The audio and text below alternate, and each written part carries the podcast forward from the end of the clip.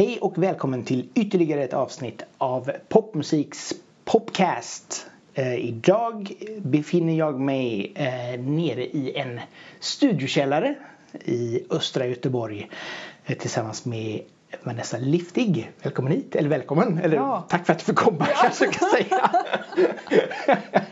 jag är så van med att alla kommer hem till mig så att, Ja, men nu är ju faktiskt jag som är gäst. Ja, ja men tack så mycket. Ja, vad fin du har det. Alltså huset är fantastiskt. Ja, det är så privilegierat. Det är helt otroligt.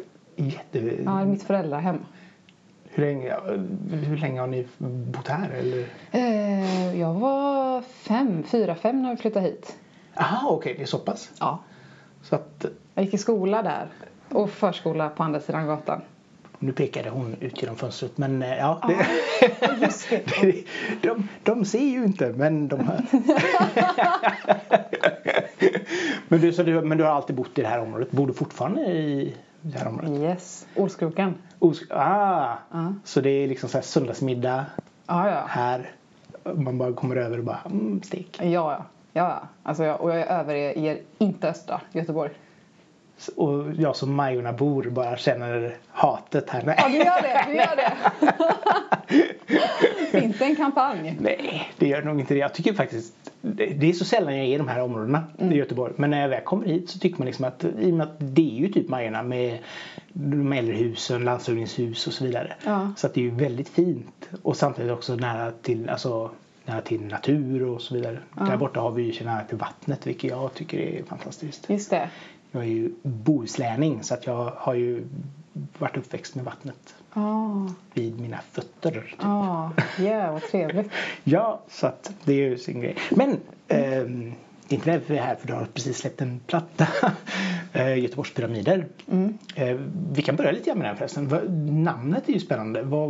Jag vet att det är en låt som heter så på skivan. Ja. Men just namnet Göteborgs pyramider. Ja, låten som heter samma sak Mm. hette först Långsamma sekunder. Mm. Och eh, jag vet inte hur bilden kom till mig så jag började tänka på jo men katakomber och, och att, att vila begravd och alla eh, kop- känslomässiga kopplingar till vad en pyramid kan vara. Det sovande och mm, du vet Mm. historia och, och berättelser som ligger begravda och så. Och så kom bara Göteborgs pyramider till mig. Alltså att eh, känslan av, eller tanken på att kanske ha byggt upp en och vilat i en här. Mina pyramider som jag har byggt här i Göteborg. Ah, så det är också liksom en egen reflektion över dig själv. Alltså ditt Ja. eget arv om man säger så. Liksom. Ja, absolut. absolut. Och tanken på och att ha gått igenom någonting riktigt tufft och f- bygga upp sig själv igen. Eh, kanske, kanske kännas som att bygga pyramider. Ah, okej. Ja, För, för det är lite grann som en sån, som, som du säger, Mm. eh, gravplats från början liksom. Precis, ja. men men eh, vad är det för något som du har fått bygga upp? Ja, jo, jag gick igenom ett, en tuff period. Mm. Eh, till och med traumatisk period. Det hände många eh, läskiga grejer. Och eh, efter det så, så gick luften ur mig lite grann. Mm. Och så fick jag helt enkelt börja om från scratch kände jag. Och musiken var inte med mig längre. På vilket sätt då? Jag, jag hörde ingen Jag har alltid i mitt liv hört mycket musik. Mm. Gått omkring med musik i huvudet och text i huvudet. Och det enda, det enda jobbet för mig har varit att få ut det. På Mm. papper eller i datorn. Eh, eller vid pianot. Och det var knäpptyst. Och var knäpptyst i flera månader. Så då tänkte jag att nej men det här, jag tänkte gå omkring med en sorg och, och en känsla av press på att nu måste det här komma tillbaka. Utan då bestämmer jag mig hellre för att lägga ner. När var detta? Eh, 2013, 14. Mm. Vill du överhuvudtaget berätta någonting av det som orsakade? Nej, nej, det känns... Nej, det, är det- lite, nej, lite... Det är lite tufft. Ja, Men jag tänker göra. att det, det väl går att relatera till trauma. Ja. De flesta människor har väl en, en relation till det tillståndet eller en erfarenhet som har varit tuff. Så. Mm. Jo, och, kan, och det, då kan jag förstå att många använder ju musiken som du säger liksom för att bearbeta saker och ting. Mm. Som du har sagt tidigare i, i det här eh, olika samtal är att några av de bästa låtarna som har kommit fram av till exempel då en personlig förlust eller eh, någon har gått bort eller och så vidare. Alltså att mm. man är själv i någon form av livskris och så blir det en fantastisk, fantastisk musik av just det. Mm. Men det kan ju också vara som då som man kan förstå kan vara frustrerande i ditt fall om musiken tystnar istället. Exakt. Ja. Och vad man, för om man då ändå har haft det som huvudinstrument eller huvudjobb liksom. Ja, ja absolut. Det är ju det jag kan. Mm. Hela, jag har ju jobbat med det här sedan jag var 12. Galet. Ja, och sen helt plötsligt känna att men jag, jag, vad, vem är jag utan musik? Jag kan ju ingenting. Mm. Men vad, vad gör du när du inte gör musiken? Jag kollar på serier. ja, Nej, men har, du, har du jobb vid sidan om eller är det bara du är producent, eh, heltidsproducent? Liksom? Ja, precis. Jag har ju undervisat. Ah, okay. Har jag gjort mm. under tiden. Där har jag, där har jag ändå kunnat luta mig mot eh, erfarenhet och jag har liksom jag har mina övningar och uppgifter och så där har jag, det har ändå känts okej. Okay. Men mm. när det kommer till själva skapandet, det var där det helt bara bröt ner. Det var där det var helt stopp. Vad var det som eh, hjälpte dig att hitta tillbaka till musiken igen? Um, ja, men nätter. Okej. Okay. Ja. ja. Jag låg vaken om nätterna och läste böcker och kollade på tv-serier. Mm. Och eh, stötvis så kom det olika eh, idéer, väldigt små idéer. Mm. Och så, så där så öppnade jag mitt musikprogram och så producerade jag någonting litet, kanske tre, fyra sekunder av mm. musik. Och så tyckte jag att det var bedrövligt dåligt. Ja. Och stängde datorn. Och så höll det på väldigt länge tills jag hade ganska mycket material. Ah, okay. Ja, mm. då började jag pussla och tänka att ja, det, här, det här kanske kan bli någonting. Men för mig själv, inte med tanken på att det ska leda någonstans eller så utan här har jag någonting jag kanske kan göra och tycka är kul. Mm för min egen skull. Lite terapiarbete. Exakt, ja. Känns det så här i efterhand att när man då jobbar med någonting som man från början tänker att det här ska jag göra för mig själv. Blir det lite otäckt att faktiskt ge ut det då eller? Absolut. Jättebra slutledning för det. Ja, absolut. ja, ja. Det var jätte... Jag hade ju inte tänkt att mm. dela med mig av det först. Nej. Eh, att eh, det här får vara mest för min egen skull. Men eh, så kändes det. Det var många omkring mig som tyckte att men det här är bra. Det här, det här ska du ge ut. Mm. Gör det. Eh, och då eh, då blir det läskigt. Mm. Ja, väldigt läskigt. Och då börjar jag kanske rannsaka mig själv mer och bli mer kritiskt inställd till mina texter och så här, vad är det jag egentligen säger med den här låten? Ja. Hur direkt ska jag vara? Hur mycket ska jag förklä? olika teman. Och, ja. Men har du gjort om väldigt mycket från jag kan tänka mig att många känns det som att de kanske har jobbat under en längre period. Mm. Men från det ögonblicket du kände att jo men jag ska nog göra en skiva. Uh, har du fått bearbeta låtarna ännu mer efter det då? Mm. För att liksom polera dem eller vad det må vara? Mm. Ja en del men inte jättemycket. Nej de, det skulle väl vara formuler, vissa formuleringar som mm. sagt som har känts lite för, så här, för personliga. Mm. Eh, eller för privata snarare mm. än personliga. Privata. Ja, okay. ja. Så. Att eh, ja, men det här blir för uh, in your face. Mm. Det här behöver vara lite öppnare för tolkning till exempel.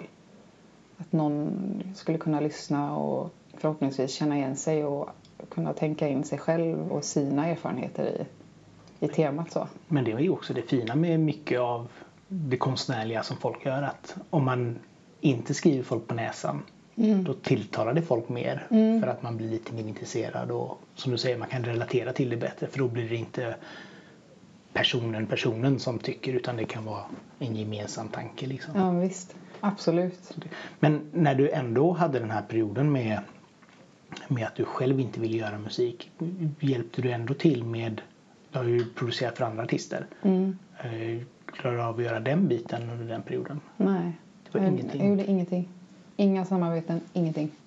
Det var helt tyst liksom. Helt tyst. Ja. Galet. Det är ju nästan som att typ vakna upp och vara döv.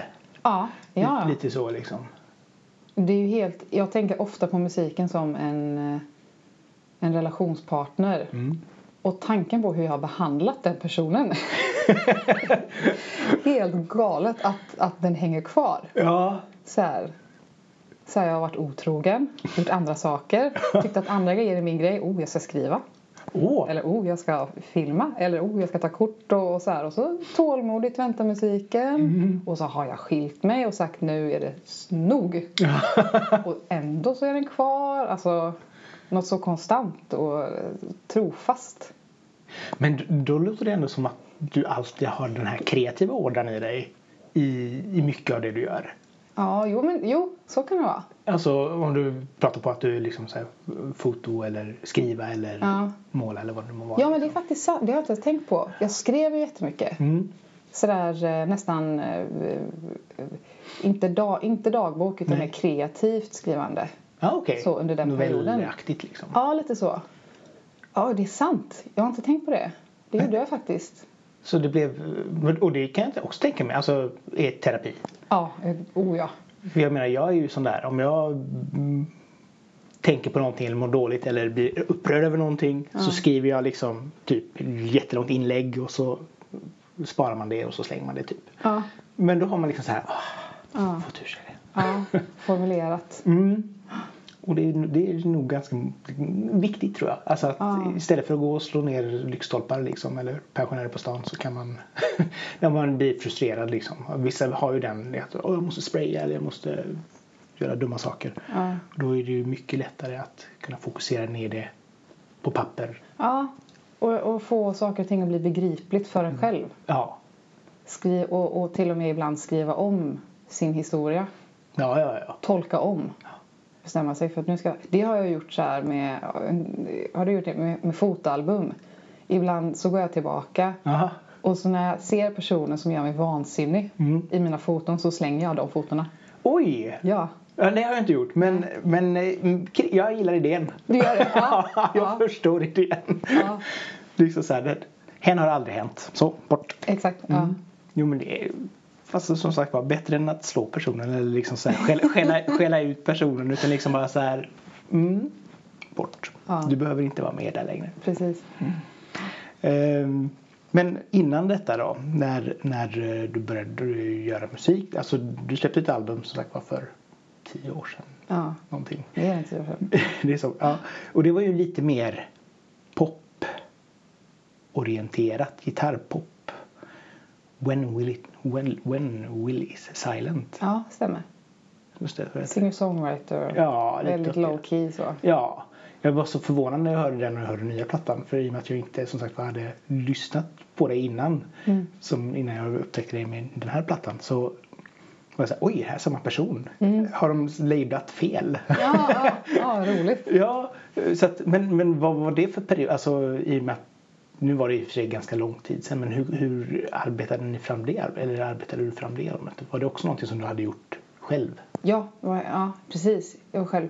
Jag satt på kammaren på högstadiet. Oj! Pluggade eh, ordböcker. Jaha. Lyssnade jättemycket på Joni Mitchell. Oj! Ja. Och, och så um, finns det en studio som heter Eld. Studiofabriken i Gårda. Ja. Det- Som drivs av eh, en som heter Mikael Thorén. Mm. Och han fick höra några grejer som jag hade spelat. Spelat på kassettband typ. Och så tyckte han jättemycket om det. Mm. Och så sa han att nu gör vi ett album. Nu får du spela in det här hos mig. Kul! Ja, så gjorde vi det på rullband. Oj! Mhm. Det var verkligen så här då. Ja, det var verkligen det.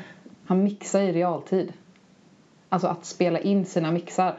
Fantastiskt. Ja, trycka på record och liksom börja så här fasa in och ut olika klipp och helt otroligt. Och, det är liksom så här, och det är inte så många år sedan ändå. Nej. För nej, men det nej. här var ju ändå på DAT-tiden när man hade det. Mm. Man satt i studio liksom. Mm. Och ändå rullband liksom. Ja. Vad, vad skulle du säga var den, den, de låtarna? När Mm. hade du skrivit det? Var det under vilken period? Och... Ja, men det var ju högstadiet. Ni, I nian på Nian, högstadiet okej. ungefär. Kanske ettan på gymnasiet lite grann. Ja. Eh, så ja, tidigt. Tidigt. Ja, det var typ de första grejerna jag gjorde. Med, jag satt med gitarren liksom. Mm.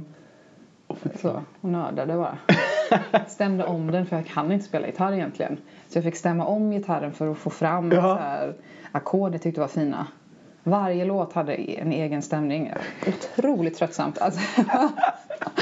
ja. Men, men vad, vad är du utbildad i då? Eller vad, har du liksom så här, mus, din musikinstrument, huvudinstrument om man säger? Alltså jag, jag skulle säga att jag är utbildad eh, körsång. Jaha. För jag gick i musikklass, Ja. Brunnsbo musikklasser. Och sen efter det, jag gick på Hvitfeldtska musiklinjen. Mm. Jag har även gått eh, på Musikhögskolan. Men jag, har, jag är en motvillig elev.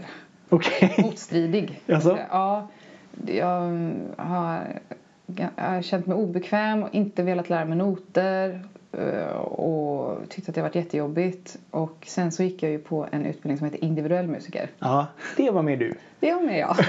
Jag gör precis vad jag ville. Lära mig på mitt sätt och, och så här. Så att eh, utbildad och utbildad, jag är väl... Jag är problemlösare snarare. Ja, okej. Så skulle jag säga. Ja, men det är bra. Mm. Så här, kommer, kommer ett instrument framför dig så bara, ja men nu, nu kör vi. Ja. Testar vi oss fram. Ja, precis. Kul. Mm. Jag är problemlösare. Men hur kom du in på det här med att producera andra? Du har ändå jobbat med Wu-Tang Clan, vilket är ascoolt. Mm. hur, hur kom det till exempel? Eh, det har ju varit... Eh, det började... Det började nog mitt första sådär samarbete, ordentliga samarbete var ju med EMB. Mm. Eh, och eh, jag har ju levt i en jättelyxig tillvaro där titt som tätt så har folk hört av sig till mig Ja, och okej. velat samarbeta. ja. Eh, och sen så blev jag intresserad av att producera själv, började göra det och för nästan en av de första gångerna i mitt liv så tog jag ett eget initiativ för några år sedan att höra av mig till ett förlag Mm. och säga hej här är jag, jag tycker att det skulle vara kul att skriva åt andra. Och då så kom jag in lite i den världen och har gjort mycket, varit på många sessions och testat på det. Mm. Har du, är det mycket som har getts ut av det som du har Nej, jobbat med? nej. Ja. Eh, Jag har gjort, eh, jag jobbar ihop med en producent här i Göteborg och en låtskrivare som heter Robin Lynch Ja. som är fantastisk. Och vi har gjort en del grejer som har eh, lett till, Publicering. till publicering. Ja, ja, Precis. Ja. Men annars är det ju väldigt mycket, vad är det han har sagt här? Han har sagt att eh, eh, ja, men av 3000 låtar ges 10 ut. Jo men det gör så mycket musik. Ja, Och visst, det är klart att man kan ju bli någon form av topliner eller något sånt, alltså göra en del av en låt. mm.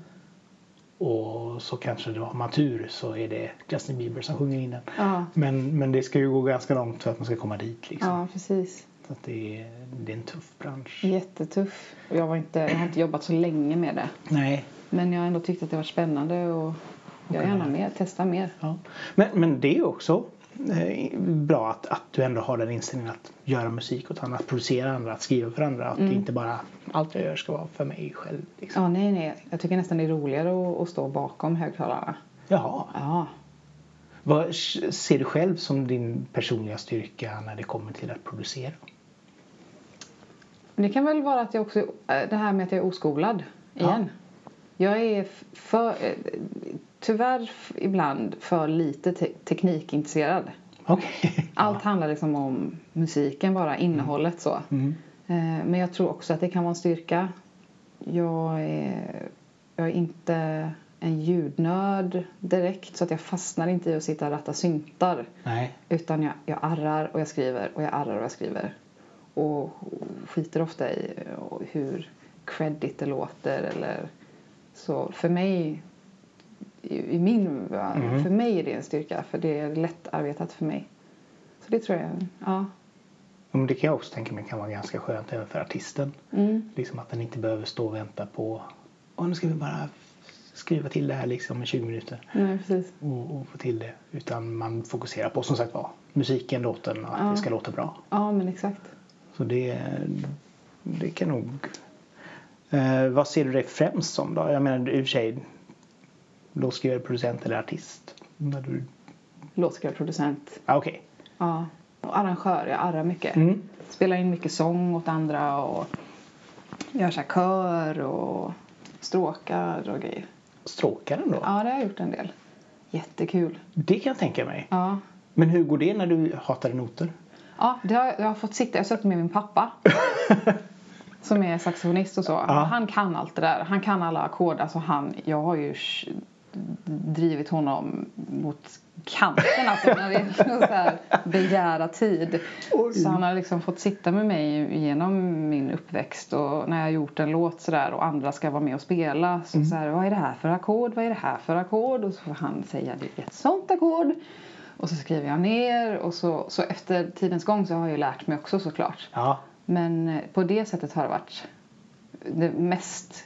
Jag pluggade, när jag gick på högskolan så fick jag ta lektioner av en kompositör eh, ett tag där han gjorde samma sak. Med, Ja. Han skrev lite klassiskt, gjorde jag. Mm.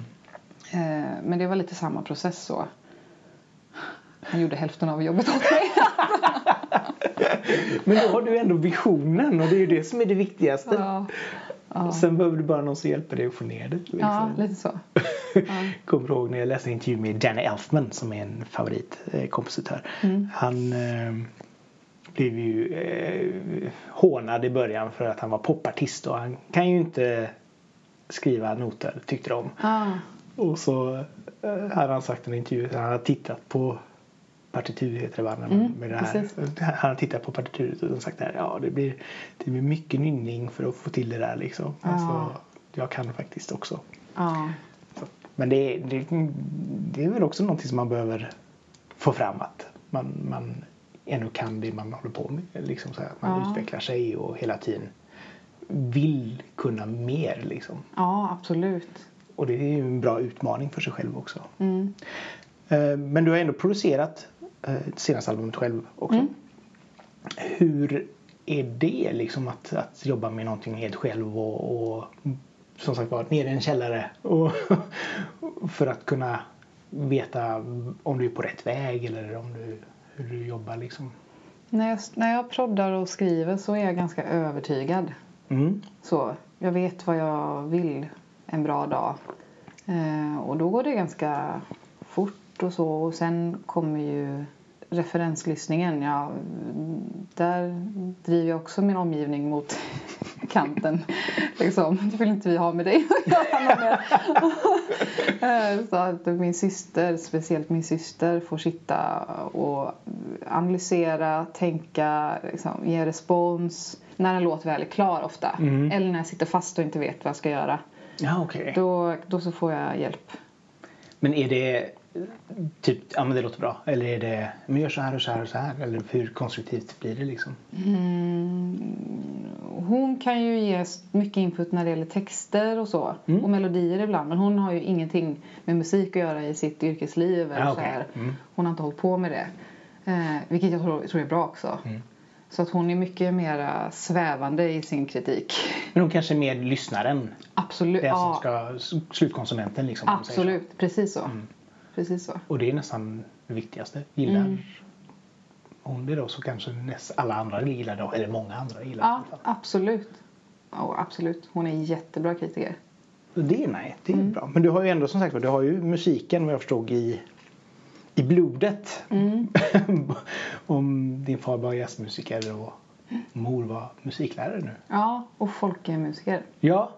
Mm. Så att, har du liksom så här alltid fått vara med på olika konserter när du varit liten och alltid få jobba med musik liksom hela tiden eller hur har det varit? Ja, jag har ju hört musik hela min uppväxt. Eh, jag har försökt att... Här i huset, när jag Mm. bodde här och växte upp så hade jag... Mitt sovrum ligger nästan direkt över våningen över vardagsrummet. Ja. Och mamma och pappa har ju spelat i jättemånga olika typer av band och så här. Och en period så spelade de i ett eh, salsaband. Oj! Ja. Och att försöka somna. Klockan är liksom 21 och de har ett fullt salsaband och koklocka. Nere i, i vardagsrummet. Det, somna situationer har det varit hela min uppväxt. Underbart ändå. Sena fester med jam och så här. Ja. Charmigt. Mm.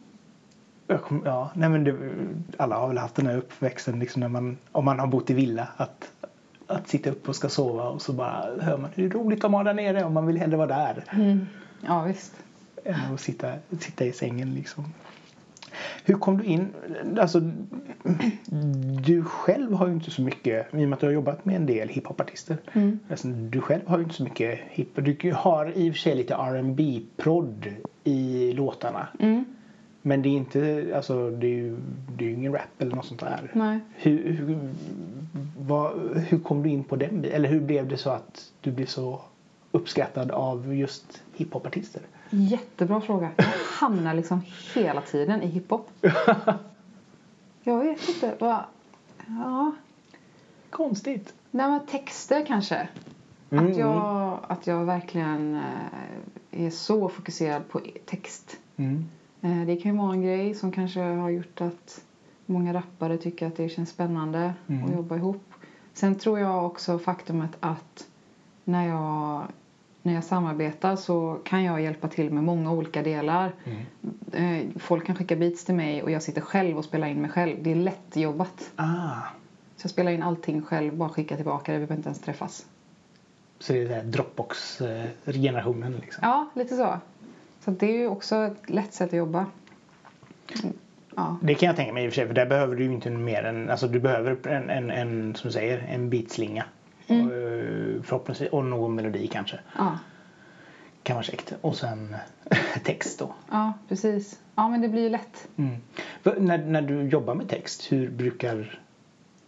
Jag, eh, med tanke på att du sa att ditt album var inspirerad av en, en traumatisk händelse eller traumatiska händelser. Medan när du jobbar med text i vanliga fall som inte har med dig, dig själv att göra, vad brukar du, hur brukar du bearbeta texten då? Ehm, Jag har ju lite metoder jag jobbar med. Mm. Eh, när jag har skrivit i mer kommersiella sammanhang så handlar det mycket om tempo, liksom att det ska gå fort. Mm. Eh, att få ur sig. Och eh, jag jobbar jättemycket med rimlexikon. Ah, Och så bygger jag ofta bakifrån. Alltså jag hittar eh, rimscheman som jag går igång på. Ord som jag tycker, det här betyder det. Ja, och då passar det här ordet och det här och det här. Undrar vilken mening som kan komma före det ordet. Så bygger jag baklänges. det Ofta. är intressant. Mm. Så att de behöver egentligen inte ha någonting med varandra att göra. Alltså, någonstans så ska man ju hitta någon, någon struktur i, Ja. i texten. Liksom. Men det, blir, det faller automatiskt även om det går det, baklänges. Liksom. ja, precis. Det, det faller på plats. Efter ett tag, all right, nu vet jag vad det är jag vill säga. Och då börjar jag bearbeta på ett annat sätt. Sådär. Men det här är ett sätt att samla material. Jag pratar jättemycket, för jag undervisar i, i textskrivande Ja. också en del. Och eh, jag brukar prata väldigt mycket om att inte stirra sig blind på att sitta vid pappret och pressa ur sig ett litet ord och så blir det en fras och så, du vet, när det blir sådär pressat. Istället att vara lite mera öppen och slarvig. Ja, okej. Bara dra på sig meningar, ord, referenser och sen när, när du har det, då börja pussla Ah. och redigera istället Mm. det befintliga materialet.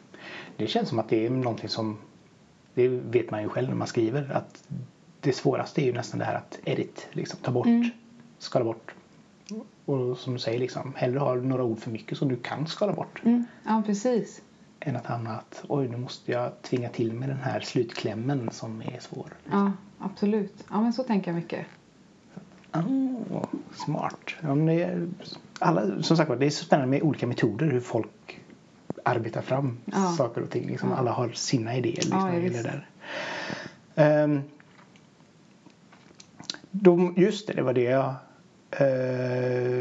det var du inne på där med din, eh, när du sa att du även gjorde stråkar. För det satt jag och funderade på när, eh, på eh, autokaleidoskop. Mm.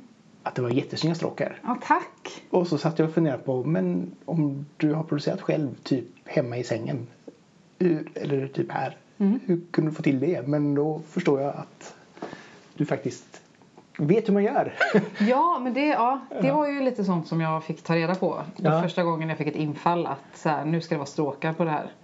Så då har jag ju fått hjälp först. Och sen så träffade jag en av världens finaste personer som heter Ellen Hjalmarsson. Ja. Som spelar i Göteborgssymfonikerna nu. Ah. Vi har känt varandra sedan gymnasiet, vi gick ihop. Och eh, jag blev så inspirerad av henne som spelar fiol då. Och eh, började skriva grejer åt henne. Så hon har hjälpt mig att utveckla och förstå. Jag har spelat fiol lite grann också när jag var Ja. yngre. Jag blev betald för att öva. så att jag har någon liksom grund av, för, grundförståelse för vad som funkar, hur det låter och sådär. Men eh, då har mycket av det arbetet har jag fått hjälp, mycket hjälp av henne. Och det är hon som spelar på albumet också. Så det är en person jag har jobbat med på albumet och det är henne. Så hon spelar allt. Kul. Ja, nej, jag, som sagt var, det var verkligen något som stack, stack ut när jag hörde det. Så att. Ja, vad roligt. hur, hur bra är du på eh, den här, eh, nu ska jag gå upp, nu ska jag jobba. Nu ska jag, alltså när du väl sitter och jobbar, disciplin, jobbdisciplin. Hur får du till det? Jättedålig på disciplinen. Jag är impulsstyrd. Oj! Ja. Eh, jag har fått, jag fick ju barn för två år sedan. Mm. Och då tänkte jag, nu blir det struktur. Nu får det bli struktur. Nu måste det bli struktur. Ja. Eh, jag lämnar på förskolan, går till studion, jobbar mellan nio och fyra. Mm. Och så hämtar jag. Och det kämpade jag med i ett år. Innan jag förstod att det här, jag bara satt av tiden. Ja. Satt och surfa. Kollade på någon film. Här i den där jätteobekväma fåtöljen som står här. Eh, det är inte ens en fåtölj, jag vet inte vad det är. Ett tyg på några pinnar. Fladder, fladdermusfåtölj-ish. Ja. Ja. Eh, Så, och då tog det ett tag för mig att minnas att jag är nattuggla. Ah. Så det är den strukturen jag vet att så här, jag ska ligga i soffan eller i sängen. Och där börjar det. Och sen när jag har en låtgrund, då kan jag börja jobba mer strukturerat. Så att nu behöver jag gå till studion och spela in det här. Mm. Men det finns redan. Hela kreativa idén är klar. Så grunden där ja. Ja, precis. Ah, ja och samtidigt också, barn sover ju på natten oftast. Ja? Så då kan man ju faktiskt börja vara vaken då istället. Exakt. Det, är väl, det är väl ganska smart. Vad gör man på dagen då när man kommer på att när, när du kom på att jag behöver inte sitta här mellan klockan nio och fyra? Ja, men, men det är då jag kan jobba med, med sådana bitar som, som är lite mera som, eh, konsekvensen av det som Ah. händer på natten. Ah. Lite mer så. Och andra samarbeten där jag jobbar Mm. lite mer där det finns en struktur och jag vet vad jag behöver göra och det finns deadlines. Och... Du behöver inte så mycket sömn med andra ord. Jo, jag har en sambo. Ah, ja. Ja. Man ska ha dem till något som Ja. det heter. Underbart. Ehm,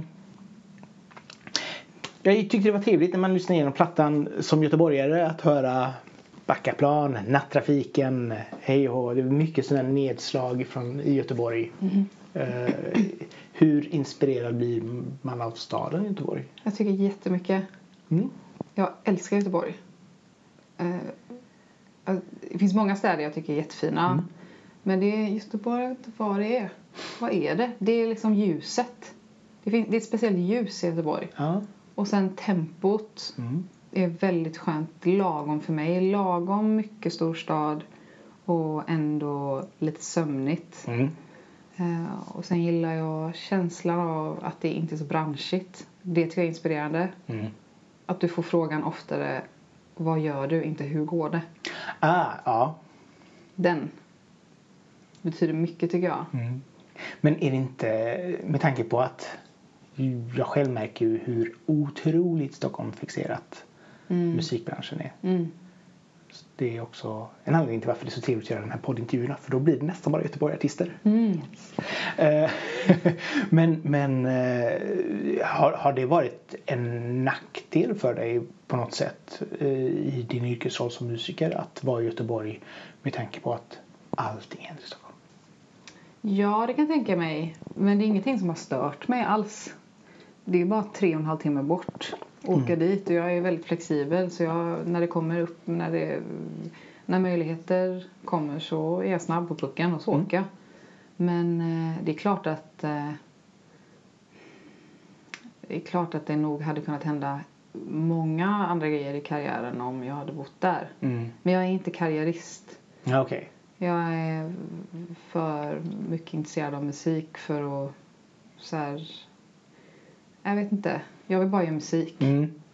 Det är liksom... Du vill inte hitta den magiska ingrediensen till att bli världskändis liksom? Nej, nej, det driver mig inte. Nej. Jag säger inte att det finns ett fel i det utan eller så ett aktivt val i det. Nej. Det är bara det att det inte inspirerar mig. Och det, jag tycker det är skönt att höra. Alltså det här att man faktiskt inte behöver man behöver inte göra någonting för att åh, det här ska leda till guld och gröna skogar. Nej, utan så länge man är tri, trygg och trivs med sig själv Mm. så har man kommit ganska långt. Mm. Så det, är, det är jättebra liksom. Vad är din favoritplats i staden? Östra Göteborg. Ehm, ja, men jag, just nu så, så tycker jag Olskrogstorget är bäst. så trevligt. Allting finns där. De har Systembolag och de har florist och de hade en videobutik. Det tror jag inte de har längre. Men... Mm. Apotek. Strategiskt nog tvärs över gatan från systemet. Mm, ja. Eh. Resorb. Ja, exakt. exakt. Eh, och parken och... Alltså, jag skrev ju det för jag fick frågan också i någon intervju. Eh, det var ju Olskrokens dag för ett tag sedan. Ja. Och jättemysigt. ja. Eh, ponnyridning och... Så, var händer det liksom? Ja, nej, nej, nej. Nej, jag tycker det är fint här. Jag tycker det är jättefint här. Jättemysigt område, ja. Absolut. Och lugnt område känns det som. Även om det ligger så nära. Alltså det är ju... Du går 15 minuter så är du i Brunnsparken liksom. Exakt, ja. Ja, det är grymt. Så. Sen älskar jag ju, eh, om vi ska prata om ställen, så tycker jag champagnebaren. Har du varit där någon gång? Ja. Alltså, Hatten av. bring the word champagne and I'll be there. Alltså det är ju, vilken dröm.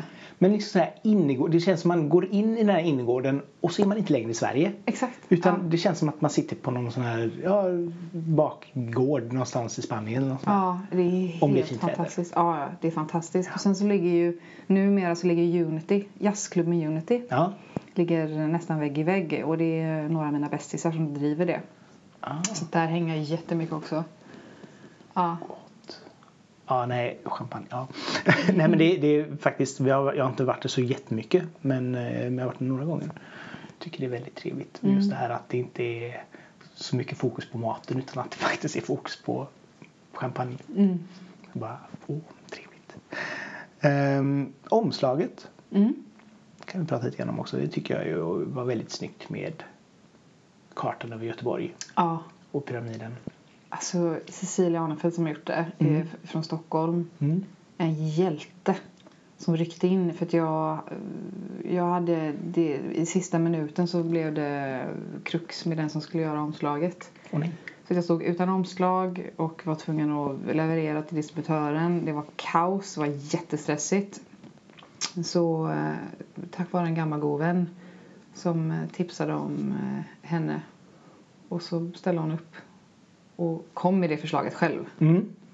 Som stockholmare tycker jag det är, jätte, det är så coolt att så här, den idén kom till henne. Ja, och, och framförallt alltså, när man ser det, man tänker lite grann på det här eh, Old Seeing Eye, alltså mur, eh, sån här tempelmur. Alltså det, Ja. det är lite mystik över det. Ja. Samtidigt som när man väl ser, i och med att pyramiden ligger överst och så ser man liksom, ah, men det är ju Göteborg under. Mm. Och då blir det ännu mer det här liten skattjakt, alltså någonting sådär. Mm. N- Något, ja. Så den känslan fick jag när jag såg det. Ja, kul. Och så är det också kul att ni använder samma tema då genom, även på singlarna. Mm. Så att det finns en röd tråd. Mm. Det är sånt som jag går igång på. Ja, gött. Jag med. Ja. Ja, ko- ko- vad kommer hända nu under sommaren? Blir det några spelningar eller kommer du? Mm, jag, tack, jag har tackat ja till några spelningar. Jag kommer Mm. spela på eh, Göteborgs eh, kulturkalas Ja, kul. den 18 augusti eh, på kvällen i Bältesmannaparken. Mm. Eh, och annat än det, jag kommer vara med på en midsommarkonsert men det sänds på SVT Ja, okej. eh, som kommer spelas in nu nästa vecka. Mm. Eh, men annat än det så är det lugnt. Ja. Jag jagar inte spelningar så mycket. När jag får frågan så tar jag den på allvar och funderar och sen så brukar jag tacka ja. Men, Så ni som hör, fråga med andra. Ja. Men ja, som sagt, jag är så mycket producent. Alltså jag, jag älskar att sitta och göra musiken. Mm. Det trumfar allt. Har det varit någon sån här dag när du har verkligen så här suttit och bara Eureka moment liksom. Att, ja men så ska jag göra. Och så blir det. Ja, ja. Absolut. Sådana har jag hela tiden. Jaha. Ja, ja. Kul. Ja, ja. Total... Eh, hybris är fel.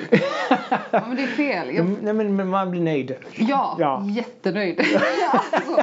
Och sen tar det bara ett tag. Vi pratade om det i skolan en gång och bestämde oss för ett tema för en lektion skulle vara eh, Överlever du det du själv har skapat? Ja. Känslan av så här, att vilja ta tillbaka musik. Varför gjorde jag så? Varför låter det så? Ja. Åh nej, skämskofta liksom. Skamsköljningar. Typ. Så sånt kan jag ju känna. Men i stunden när jag gör det och dagarna och veckorna kring jag har gjort en låt. Så kan jag ju verkligen vara helt hög på hur bra jag tycker att det är. Kul. Ja. Men det är också så lite osvenskt. Som att man bara säger nej men fan. Det är lite bra ändå. Alltså Ja, att tänka i de ba- banorna det gillar jag. ja. Oh, ja men jo absolut. Och samtidigt också så här man har befogenhet för det liksom. Alltså ibland så kan det vara så att vissa kommer och säger att oj det här är jättebra och så lyssnar man och man bara "Mm, nej. Precis. ja men då har jag ju mitt skyddsnät. Ja, Min lilla ja, krets. ja just det. Ja, som så här, nu får du backa lite här nu. Det här men, låter... menar du verkligen det du säger här? Ah, nej, Ja. kanske inte. Nej, jag går tillbaka och Ja. ser om. Ja, precis. Nej, men ödmjukheten kom ju som en chock Mm. efteråt. Efter en period så kommer det som en chock. Oh shit, har, det här, är det här bra? Och nej och, och så här. Så det är väldigt obalans. Ja, jo, fast man, så, så är man väl inför allting som man ska släppa. Att Ja, kanske. blir, åh, blir det här bra? Ja, Eller jag måste in och kolla en tionde gång och säga nej, kanske Mm. inte. mm, ja precis. Man är osäkerheten liksom. Mm. Eh, finns det någon låt som var extra svår att göra Eh, två stycken. Eh, Skitungar var jättesvår. Mm. Det var ett beat jag hade, alltså första singeln. Ja. Det var ett beat jag hade jobbat på och det låg och bara störde mig i datorn i ett år. Och visste inte vad jag skulle göra med det. Och sen en dag så kom hela låten på några timmar. Och hela den processen är ju fruktansvärt frustrerande för att det är total mystik Ja. inblandad. Hur kan det liksom bara gå och vänta på att det ska hända? Och det kan ju kanske inte ens händer. Så, så den var jättefrustrerande Mm. tills den kom. Och sen sista spåret på plattan som heter Årtusendets gåta som, där jag bryter ner som handlar om det här tuffa Mm. eh, som hände. Så den var mycket så, hur ska jag formulera mig och vågar jag formulera mig så här och vad kommer folk tänka? Så. Mm. Jag kan tänka mig en balansgång liksom att både vara trygg i det man säger och i sig själv efteråt liksom. Ja, precis. Ja, Så det inte blir för mycket. ja. Spännande. Fantastiskt trevligt att ha ett litet samtal med dig. Men tack detsamma. Det var jättekul. Ja, och hoppas att ni som lyssnade tyckte det var lika trevligt som vi hade. Eh, så får jag tacka så mycket för att ni tog er tiden. Eh, Fortsätt och prenumerera på podden om ni vill. Och för så kommer det nya spännande intervjuer med eh, roliga artister vad det lider. Eh, Tack så mycket så länge. Hej hej!